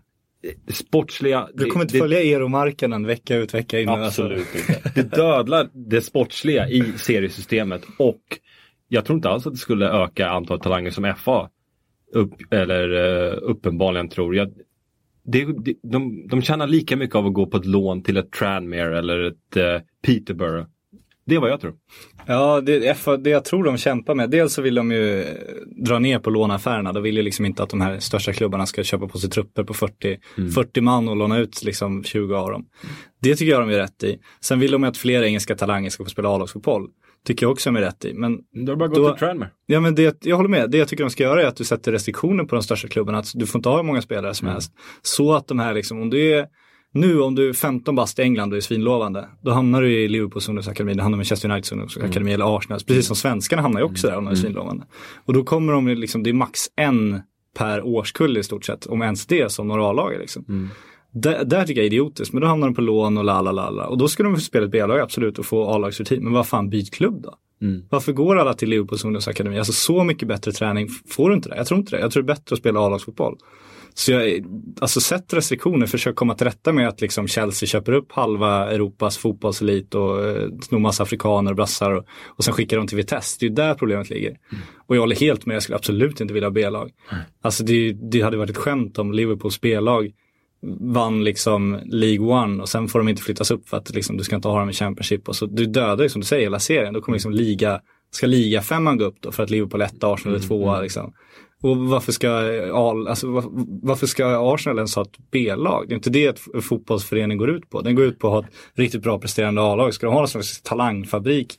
Det blir också jävligt cyniskt. Alltså, jag är helt med. Jag tycker det är sinnessjukt dålig idé. Nu håller inte jag på lag, men som, fotbollssupport, eller, eh, som fotbollssupporter så tror jag, jag, jag gissar i alla fall på att när man håller på ett Liverpool eller ett Arsenal eller ett Chelsea så tycker man också att det är kul att hålla koll på de här ynglingarna som Ja, är ute på det- lån. det övertygad Då har också. man liksom, då har du förutom Liverpools matcher så kan du kolla liksom på Tranmere eller Peterboroughs matcher liksom om helgerna. Ja, men de hade nog sett Liverpool B också och tyckt att det var kanon för att de får se alla talanger. Absolut. Men jag tycker att som du säger, alltså det, dödar ju, det dödar ju också alla de här små föreningarna. För då kommer vi, om vi väntar, om vi ska hårdra det då, så kan vi lika gärna göra ett helt jävla system där Premier League-lagen har liksom åtta lag var bara. För att liksom, de kommer ändå hamna där, alla bra spelare till slut. Så då kan vi skita i alla charmiga smålag. Men man vill ju att det ska komma ett, ett ligacupen. Man vill liksom att Richard Money helt plötsligt ska dyka upp med division 4-lag på en arena där det står en jävla mur bakom hela målet. Och man ser liksom de här slumområden med hus bakom och det passerar någon bil som bollen nästan träffas av när någon skjuter för högt. Det är de matcherna man vill se också. Man vill inte bara se liksom ett jävla polerat Emirates Stadium varenda jävla vecka. Kevin skriver vad fan håller Lampard på med? Utropstecken, utropstecken, utropstecken.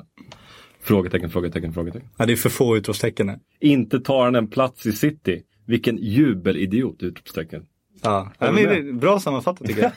Bra sam- ja, men jag, jag satt verkligen och funderade typ ett dygn innan jag ens orkade twittra om det för att jag kände att vad fan ska man tycka om, alltså vad, jag förstår att han går till MLS, alltså han ska liksom en sista äventyr och sådär. Han fick inget nytt kontrakt med Chelsea, jag förstår också att han inte känner, kanske inte känner någon, någon jätte, alltså att han har något ansvar mot dem, det är ju inte en Chelsea-produkt från början. Och liksom, men det jag tycker är konstigt är att han liksom ger upp den ikonstatusen han har skaffat sig i Chelsea. Den tycker jag borde vara mer värd för honom än att vara en bänkspelare med Manchester City i sex månader. Han kommer inte tjäna mer pengar för jag tror att han får samma lön som han har i USA. Det skulle vara konstigt om han får jättemycket extra. Han kommer inte få lyfta någon titel för han kommer dra innan allting avgörs. Så han kommer på sin höjd liksom få lira, vadå, åtta matcher för Manchester City på sex månader. Åtta matcher tycker jag ändå är värt att liksom spoliera åtta år eller vad det är i Chelsea för.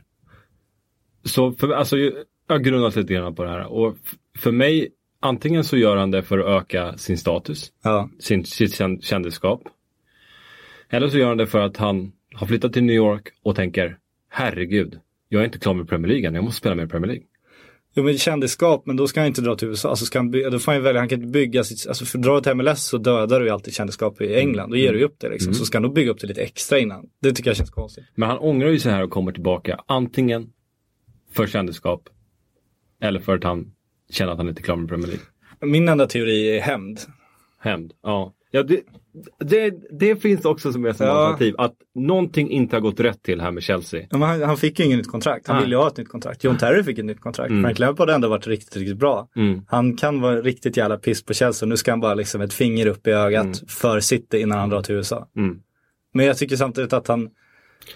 Alltså men, man vill samtidigt vill han tydligen inte spela mot Chelsea. Om man ska tro eh, uppgifterna här i engelsk press. Nej, det är ganska lätt också för att liksom smeka sina, Mm. sina gamla fans medårs. Men det, jag förstår inte riktigt.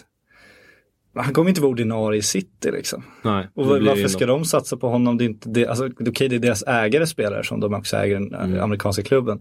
Men de kommer inte liksom låta Frank Lampard spela för Frank Lampards skull. De kommer ju tänka på sitt eget bästa liksom. Och då kommer han ju bara få spela när det verkligen, verkligen behövs. Liksom. Mm. För de vill ju satsa på sina egna spelare, så det är alltid vill affärer. Mm.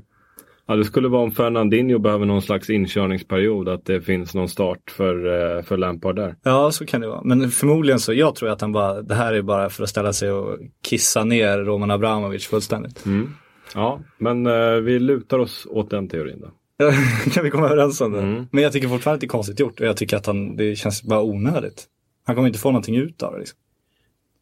Men om det är en hämnd på Chelsea Mm. så kan det inte vara onödigt. För då känner han att han behöver hämnas på Chelsea. jo, men det känns lite småaktigt tycker jag. Och det känns ändå som man har liksom, man vill ju tro att de känner någon slags ansvar mot fans. Alltså för mig är ju en fotbollsklubb dess fans, inte Mm. dess eh, eventuellt ryska ägare eller dess portugisiska manager eller dess Ja, det trupp sant, från det är 40 sant. länder. De har ingenting med fotbollsklubben att göra egentligen.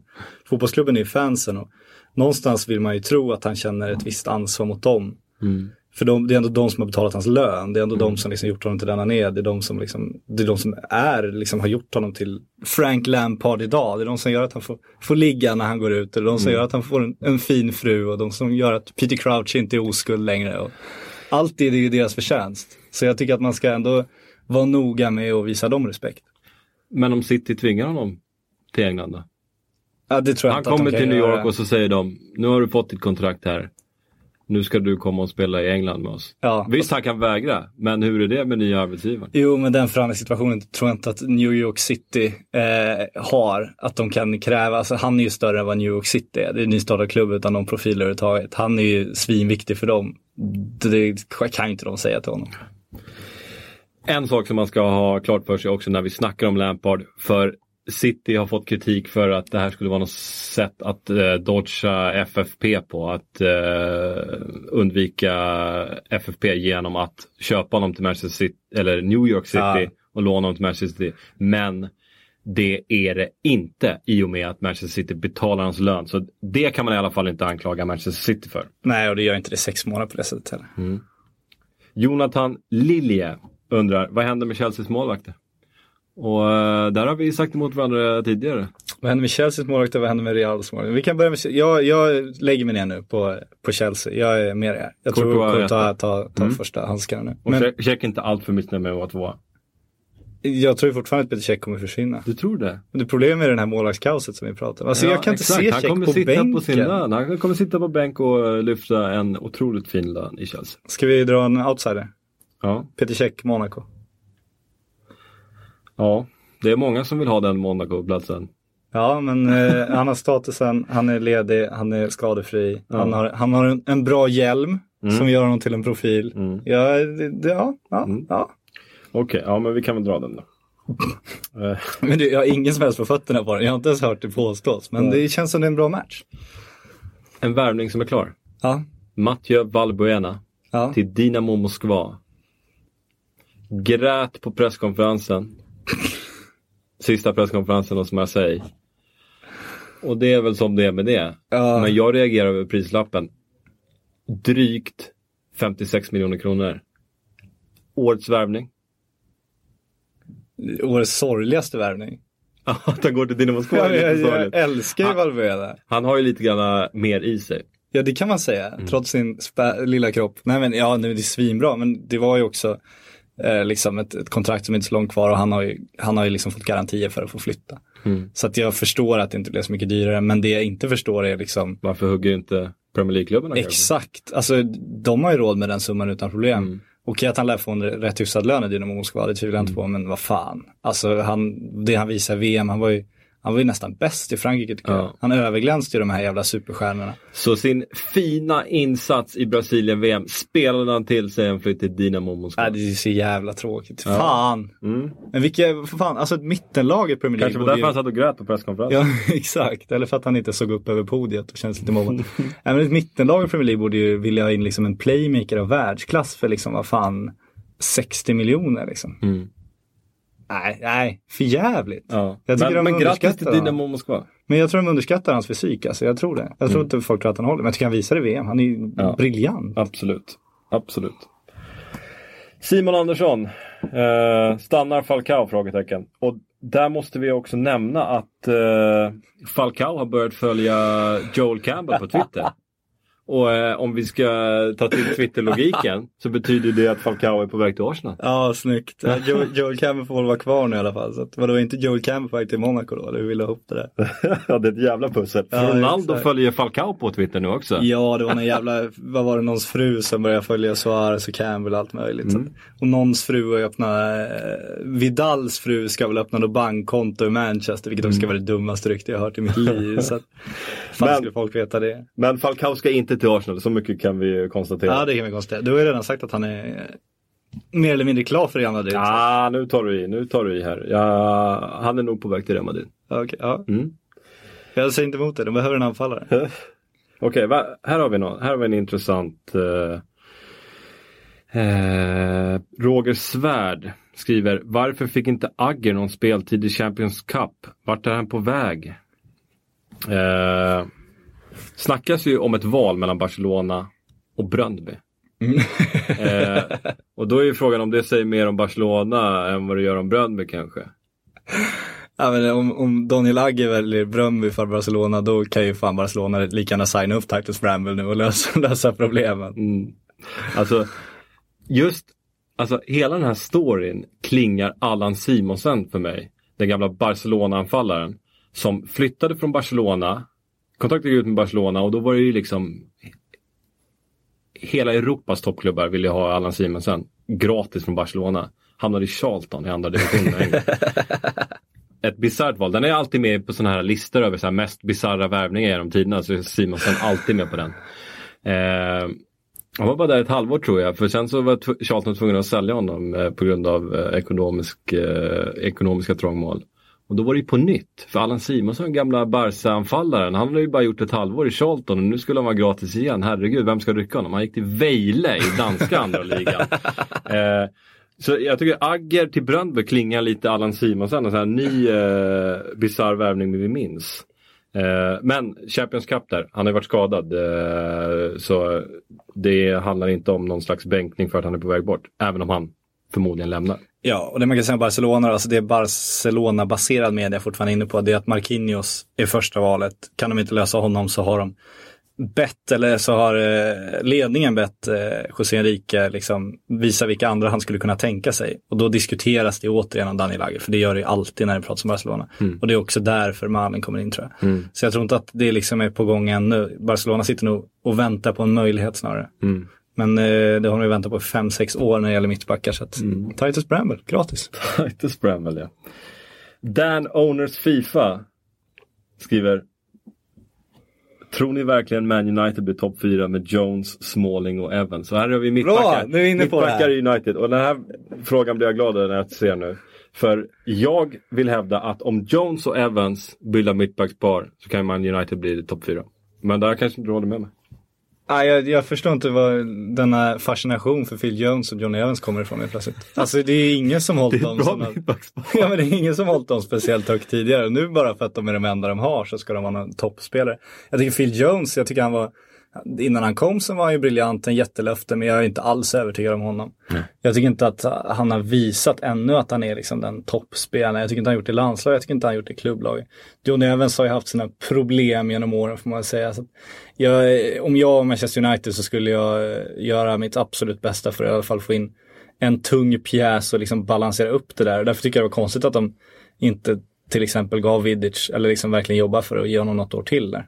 För att liksom göra övergången lite lättare. Jag förstår att Rio Furner försvinner, det är ändå en, en, han har kommit till åren så det skriker om, det finns ryggproblem och annat. Men nej, de behöver någon som de verkligen kan lita på. Alltså jag, jag, jag skulle inte vara helt lugn om Phil Jones och Johnny Evans stod där när ligan börjar. Visst behövs det en mittback, där är vi överens. Men som sagt, Jones och Evans friska, då blir det topp fyra. Ehm, så är det. Men, vadå, men de, de, det är inte så att de andra har rustat dåligt liksom. United kommer ju ändå bakifrån, de ligger ju ändå efter. Jag tycker inte att Luke Shaw och Ander Herrera, det har jag varit inne på tidigare, jag tror inte att de gör dem till ett topp fyra lag helt plötsligt. Men Ander Herrera, herregud vad bra han har varit under försäsongsmatchen här. Klivit in i det laget som att han inte gjort någonting annat än att dominera. Ja, jätte, jättebra spelare, men återigen, alltså, du behöver ju en... en jag, nej, jag vidhåller att de inte kommer lyfta dem på det sättet. Får de in ytterligare en, en kreativ kraft med tvåvägsmittfältare, de, kan- de kan lösa Di Maria som det ryktas om, det hade varit sjukt spännande. Det tror jag inte riktigt på för att han kanske inte får plats på det sättet. Nej men eh, om de får igång Wayne Rooney, Robin van Persie och Juan Mata för ett max och de kan balansera upp det med andra där, då ser det bra ut offensivt. Men den där defensiven, ja, eh, nej, jag är inte övertygad. Agree to disagree, Ja, sir. absolut, absolut. Lukas Persson. Betyg, för det här var ju ganska roligt, vi satte ju betyg på uh, Ja, det. transferfönster. Ja. Eh, Många som var arga för klubbar som inte kom med, det tycker jag var härligt. ja, De tyckte att avsnittet var för kort, vad var det? Två timmar, två tio timmar, minuter? ja helt sjukt. Eh, en av de klubbar som inte kom med var i Newcastle. Mm. Det var många som hörde av sig om just Newcastle och ville ha betyg på Newcastle. Eh, Lukas Persson är en av dem. Kan ju vara Englands charmigaste klubb, så det förstår jag. Ja. Och jag, jag ligger nära 4 plus. Du är nära 4 plus på Newcastle. Ja, mo- motivering, kolon. Eh, man har släppt en av eh, ligans kanske bästa ytterbackar i Debussy. Ja. Så är det. Eh, Amiobi är väl inte en eh, jätteförlust. Superförlust för helvete. Det är ju hela klubbens själ. Det ska vara två Amiobi i Newcastle. Det här är ju en katastrof. Men spenderat pengar i år. Ja. Spenderat pengar, värvat mycket. Mm. Eh, Cabella, de Jong, Rivière, Janmat och Ferreira. Mm. Och här är, jag gillar alla de här spelarna, men kanske främst Janmat och Ferreira. Cabella för helvete. Absolut, men Janmat och Ferreira är mina. Shakhtar Donetsk, mm, Ferreira säger jag. Och, Det är lån va? vad sa du? Det är lån. Ja, det kan vara ett år Ja, med option. Ja. Eh, jag gillar, bortsett från Revi, Riviere, ja. som i Monaco, Rivier. Rivier. Rivier. Rivier. Jag driver med ingen aning. bra där. Ah, Han, han var bra i Monaco i början på försäsong. Eh, Ja. Sen tinade Men nyttig spelare tycker jag. jag tycker det. Ett alternativ, absolut. Men eh, alltså, kollar jag på det stora hela så tycker jag man har fått in, eh, man har fått in kvalitet. Ganska Ja, ja, ja. övergående över truppen. Så jag kan inte ge annat än 4 plus faktiskt. Det jag tycker är oroande är att alla har kontrakt till 2034 liksom. Mm. Med bra löner. Det tycker jag är jävligt oansvarsfullt gjort. De kommer lu- luta sig tillbaka nu menar du? Exakt så kan det vara. Man spelar ju alltid bäst sitt sista år som Emanuel Adebayor hade sagt. Mm. Så att det tycker jag, därför tycker jag att det är svårt att ge 4 plus för att de gett sådana obskyra jävla avtal till alla spelare. Mm. Men om du kollar namnen så tycker jag också att de gjort det kanon. Det är ett sinnessjukt intressant lag. Det luktar ju lite deras storhetstiden när de fick in liksom de här Ginola och Les Ferdinand och sådana här riktigt sköna spelare. De går ju efter de här profilerna igen och det, det uppskattar jag. Erik Tektor skriver, vad händer med Nastasic när Mangala anländer? För det är väl i stort sett redan klart. Och ja, det är väl eh, i princip klart med Mangala. Han ska bara dyka upp på det där planet. eh. Du räknar in den nu? Ja, men jag gör nästan Nej, det. jag gör inte det. Va? Nej, fan det är där planen Ska har stått tankat förut. Av erfarenhet så räknar jag inte klart något där. Nej, jag, jag, eh, jag vill faktiskt hävda att det är en eh, det är oerhört nära. Ja. Vem fan bryr sig om Nastasic då? De, alltså, jag gillar Nastasic. Ja. Just för att han är det här äh, mittbackslöftet som köps in till en stor klubb. Alltså, som mittback så är det liksom, du blir bättre med åren. Mm. Och att vara så bra som Nastasic var när han köptes av Manchester City. Det kan man inte annat än att sympatisera med. Jag ser gärna att Nastasic lyckas i, lyckas i Manchester City. Och även om man värvar Mangala så utesluter jag inte att Nastasic kan peta Mangala. Eh, även om det sägs att Nastasic ska vara på väg till Juventus nu. Gud, fäkta fritt med ryktena nu. Det uppskattar jag något oerhört. Jag skulle inte räkna helt klart Magalla. Jag skulle inte jag skulle, inte, skulle absolut inte räkna bort Nastasic heller. Jag tror de någonstans vill ha kvar honom. Mm. De borde vilja det. Det tycker jag också. Marcus Willershausen skriver Kommer Iaramendi och Isco att lämna Real Madrid? I så fall vart? Ehm, De har, ju, de har ju båda samma problem att de har blivit lite grann åsidosatta i och med att det värvas på deras positioner. Men Isco har varit bäst på USA-turnén. Och jag tror att han kommer bli kvar och slåss om en plats. Jaramendi, inte alls lika säker. Kan bli en sån här klassisk lö- lösning med ett Real Madrid-lån till Bundesliga kanske. Ja, jag håller med, jag håller Isco betydligt högre än Iriamendi. Alltså även när de köpte så tyckte jag också att det var jävligt dyrt för Iriamendi. Jag tycker Isco ändå hade byggt upp en status som gjorde att det motiverade ett, ett ganska högt pris. Och jag tycker att det är konstigt att de, alltså de värvar ju James Rodriguez nu, det är ju rent kommersiell värvning. Vi fick frågor förra, vi sa att de kommer tjäna pengar på honom. Vi fick, jag fick massa frågor om det, hur de ska göra det. Och det är inte bara att de ska sälja tröjor för massa miljoner. Utan det är att värvar James Rodriguez så har ju alla skrivit om Real Madrid i en vecka liksom. Och alla har lagt ut bilder på Real Madrid-tröjor och alla tidningar i hela världen har liksom pumpat Real Madrid. Räknar du vad som händer med varumärket Real Madrid, då kan du ju räkna in pengar på. Så det går ganska fort att tjäna in ganska mycket pengar på det. Alltså vi får ju, om man kollar min mail så tror jag har så här 132 000 olästa mail utan att överdriva för en sekund. Och det är ju bara pressmeddelanden från liksom idrottsföreningar, från företag, från privatpersoner, från agenter, från allt möjligt som liksom vill ha press, som vill att vi ska nämna ett namn, vi ska nämna ett företagsnamn, vi ska nämna en klubb, vi ska liksom, de vill få in det i pressen. Det är ju ovärderligt. Folk betalar liksom obskyra summor för tv-reklam. Liksom. Så bara där kommer de räkna in enorma summor på liksom bara liksom, hur mycket det har publicerats kring Real Madrid. Så att där eh, kommer de kunna räkna in pengarna. En spelare vi inte snackat om särskilt mycket i den här podden. Cher, det är inte spelaren. Nej, det är väl, det är Det är. Simon Kjär du försöker säga nu? Cher. Eh, I vilket lag spelar Arturo Vidal när ligasäsongen drar igång? Ja, det var ju, kom ju en Instagram-bild idag där han skrev att han skulle stanna. Men det visade sig vara ett fake-konto. Du är Ändå- snabbt uppdaterad. Som ändå raggat in 177 000 följare. Så det var ett jävligt bra fake-konto får jag säga. Ja.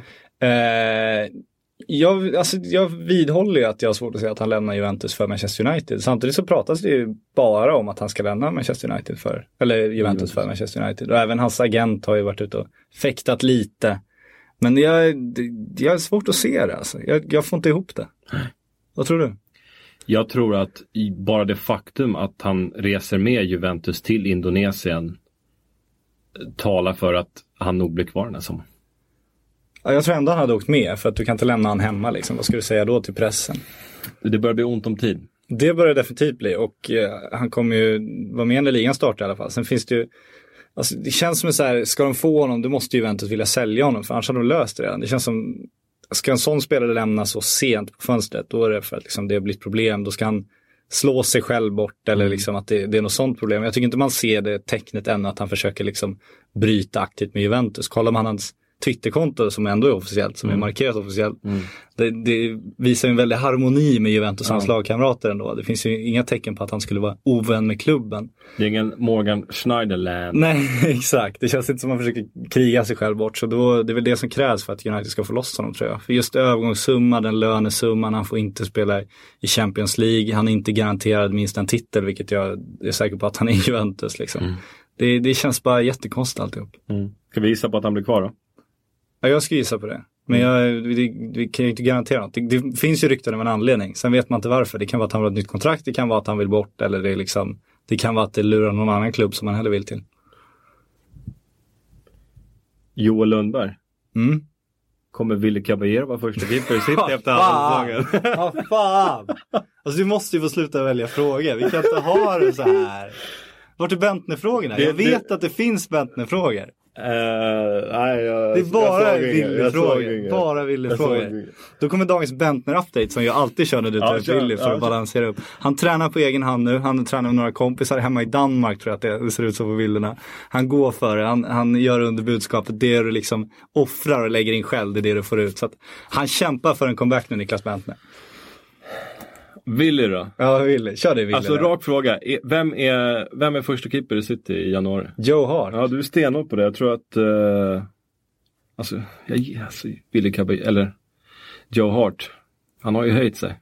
Han har ju, alltså de här matcherna på försäsongen. Så ser det ut som att han har en målvakt som andas ner i nacken på honom. Och det är precis vad han har. Så jag lutade ju mer åt Willy innan men... Ja, Willy Caballero står i målet. Nej, vad fan, de har en engelsman i starten. De har liksom gett James Milner kontrakt på kontrakt bara för att en engelsman, bara för att de ska kunna ha någon i truppen. Och de har en enda kvar i startelvan liksom. Han heter Joe Hart, står i mål. Han är Englands landslagsmålvakt. Han är en symbol för Manchester City nu. Du flyttar inte undan honom för att få in Kristoffer Karlssons favoritspelare i mål, det gör du inte. Det beror på hur han inleder säsongen. Eh, Ja, men nu var frågan vem som inleder säsongen. Nej, eh, halva året. Det var det som var frågan. Halvåret, okej. Ja, Joe Hart fortfarande. Ja, Solklart. okej. Ja, han står i bur där hela, hela säsongen. Alltså. Han kommer stå i bur där i sex år till. Ja, okej, okej. Johan Björk. Sen eh, varvar han ner i Vejle. det hade varit något. Johan Björk, apropå målvakter. Vilken målvakt rem- lämnar Real Madrid nu när de värvat Navas? Casillas eller Lopez? Om man ska tro på Marca så har ju Casillas blivit lovad första platsen nu igen. Och det rimmar ju också med det som det påstås var anledningen till att Casillas flyttades. Det var ju för att han, han och Sergio Ramos gjorde uppror mot Mourinho. Det är ingen snack om saken. Det var ju de som ledde det, det spanska spelarupproret i Real Madrids omklädningsrum som skapade en spricka med, med Ronaldo-gänget och eh, med Mourinho. Så att, eh, och det var ju det som han straffades för förra året, påstås det. Att Perez då gick ner till Ancelotti och sa eh, Ike Casillas ska inte spela i La Liga i år. Och då spelade Ancelotti bara Ike Casillas i Champions League. Och det är väl solklart att det fanns någon slags politik bakom. För du gör inte så en toppklubb att du delar det mellan två målvakter. Att en står i ligan och en står i Champions League. Det, det är helt unikt, det gör du inte. Det är liksom sen Daniel Andersson och Dimi Jankulovski delar på målvaktsansvaret i AIK så har det ju varit dömt misslyckat, det vet ju alla. Så att det var ju politik och nu är det, det poli, den politiken borta. Han har fått sitt straff Casillas. Så nu står han ju på försäsongen och jag tror att han kommer få första handskarna, det är det Marca påstår, att eh, Keylor Navas då ska vara reservmålvakt. För de värvar inte Navas som tredje målvakt. Det gör ju att Diego Lopez kommer offras. Jag gillar ju att tycka synd om folk. Ja, du är så jävla trevlig kille. Jag tycker lite synd om Diego Lopez. Ja, Bakom just Navas har jag för mig att han var den bästa målvakten i La Liga under den gångna säsongen. Vad gäller uh, hållna nollor och räddningsprocent. jag håller med. Samtidigt så kan jag inte tycka synd om Diego Lopez av den anledningen att han kom till Real Madrid som reservmålvakt. På grund av politik och ett presidentbeslut så fick han första handskan en hel säsong i La Liga. Vilket han aldrig skulle haft annars. För att även fast han hade varit lite bättre än Casillas hade Casillas ändå stått på grund av den ikon han är. Därför tycker jag att han har fått en helt unik chans. Han tog den, han har gjort det svinbra. Absolut, han skulle förtjäna att fortsätta med tanke på hur bra han varit. Men jag, eh, med tanke på vilka, under vilka premisser han kom till klubben så tycker jag att han, han ändå har fått det bättre än han kunde drömma om. Sen är frågan vart han ska nu, för han hamnar ju också i ett målvaktsklimat som vi pratat om som är helt jävla omöjligt. Milan kanske? Milan kanske, han har en bra Milan-ålder. Mr Biko, Hamza Biko, undrar apropå en annan spelare som likt Vidal har varit omryktad det här fönstret. Går Quadrado till United? Frågetecken. Och just den här prislappen som Fiorentina har satt på honom får mig att tro att han gör i alla fall en säsong till i Fiorentina. Vad tror du? Jag är helt beredd att hålla med. Jag tycker också att han, han blev ju, han har varit bra innan absolut, men det blev ju en flug under VM. Det blev ju det för att han var så exceptionell då. Och han har ju en spelstil som kanske, som inte gör att man kastar in honom i Manchester United och hoppas att han gör allt defensivt ansvar och gör allting rätt. Så att jag är jättesvårt att se honom i United. Jag, han känns som en Serie A-spelare och ska han gå någonstans så är det till en större Serie A-klubb tror jag. Viktor Lundqvist får avsluta vår frågestund som blev eh, lång den här veckan. Oj, oj, oj. Det blir alltid långt när vi kör. Eh, ja, men vi har så trevligt och Ja, tiden bara flyger förbi. Eh, behöver inte Real Madrid en anfallare till ändå? Vad händer om Benzema skadar sig? Men det är nu jag vill tro på din eh, Falcao-teori här. För att det behövs ju absolut en anfall till. Nu har de gjort sig av med Morata till och med. Så att eh, tveklöst ska Real Madrid ha en anfallare till. Det är ju inte Eero Markkanen som ska vara andra valet. Hur mycket man än hade hoppats på det. Jag såg något stort eh, Real Madrid fankonto på Twitter som satt och dreglade över Zlatan Ibrahimovic. Du tror, ja, men du kan väl återigen ta de här fankontona och så vidare. Alltså bara det här exemplet med Titus Bramwell. som vill återkomma till. inte att det här var Nej, nej, nej, nej, nej, men jag vill bara återkomma till det här exemplet med, med Titus Bramwell. Det här Indy Kaila är så jävla Oh dålig på det här. God, Som folk tror på. Han gick ju ut efter det här, Titus Bramwell, och sa liksom, enligt källor till Indy Kaila så stämmer inte Titus Bramwell-ryktet. Och det visar ju liksom vilken trovärdighet det finns bakom. Att han inte ens ser igenom bluffen utan hittar på till och med att han har källor som kan liksom avskriva Mm. den affären. Han slår in öppna dörrar och väntar på att han ska, han, liksom, så han kan skryta om dem sen. Mm. Så skiter de. Men Skit i fankonton. det här handlade faktiskt om en en, önsketänkande. en, en liten, liten, liten Real- Madrid-supporter som satt och tänkte Åh vad bra Zlatan Ibrahimovic hade varit för Gud vad du marginaliserade honom. En liten, liten, liten Real Madrid-supporter. gör hon. ja, nej men vi kan absolut diskutera vad Zlatan skulle göra i Real. Ganska mycket va? Enormt mycket. Mm. Men eh, det är också, de behöver ju en straffområdesspelare. Mm. För de har ju gott om spelare som ska släpa lite bakom. Chamez ska ju släpa lite bakom. Gareth Bale ska ju släpa lite bakom, komma i djupled. Cristiano Ronaldo ska släpa lite bakom, komma i djupled. Ska Zlatan då droppa där? Nej, han är ju inte en eh, Benzema-typ om vi säger så. Nej, häromåret när det ryktades faktiskt om Zlatan till Real, Mm. då såg det ju väldigt spännande ut när de inte hade Isco i den positionen, när det liksom fanns en öppning där. Mm. Då hade man ju grymt gärna sett Zlatan i Real, bara för att liksom peka finger åt Barcelona också. Mm. Och jag tycker att det är lite tråkigt att, för nu är ju Zlatan som bäst. Mm. Det är ju ingen tvekan om det. Och att han då spelar League Ö Ja. känns ju lite synd alltså. Man vill ju nästan ha till den där sista stjärnflytten. City-flytten eller Real-flytten. Mm. Ja. Eller. Det hade varit det, kul. det har varit kul. Men det man kan säga om eh, PSG som ju, jag tror fortfarande att det här är hans kanske största chans att vinna Champions League. Absolut. Absolut. De eh, går bättre än kvartsfinal den här säsongen, om jag får tippa. Jag tror också de är ett semifinallag minst. Och är du semifinal i Champions League då är du liksom bara ett fåtal slumpartade händelser ifrån en titel. Precis. Och de har Som jävla dubbelmötet med Chelsea visade. Exakt, och de har ett David Luiz-affären till trots så är det ett, ett jävla gäng de har. Mm. Får de ihop det där så. Du Patrik, du ska ha ett stort tack för att du var med då. Ja, tack Jag själv. tycker vi avrundar nu. Det tycker jag också. Nu ska vi gå ut i solen tänkte jag säga. Det ska vi inte alls göra. Nej, vi ska sätta oss vid Asien. Du ska klippa det här i fyra och en halv timme. Ja, exakt. Och slöa ner våra röster lite så att det blir lite, lite härliga effekter. Ja, ja, men specialeffekter är alltid kul. Mm. Och tack ska ni lyssnare ha också för att ni fortsätter att lyssna på Sillypodden. Det är ett nöje att göra den här podden och eh, ja. In, in i sociala medier också, njuta av Titus Bramble-bilden vi ska lägga upp. ja, den ska vi definitivt lägga upp och eh, se till att lyssna nästa vecka. För då är vi tillbaka. Tack! I think I worked for 16 years here in England and I deserve a bit more credit than wrong information.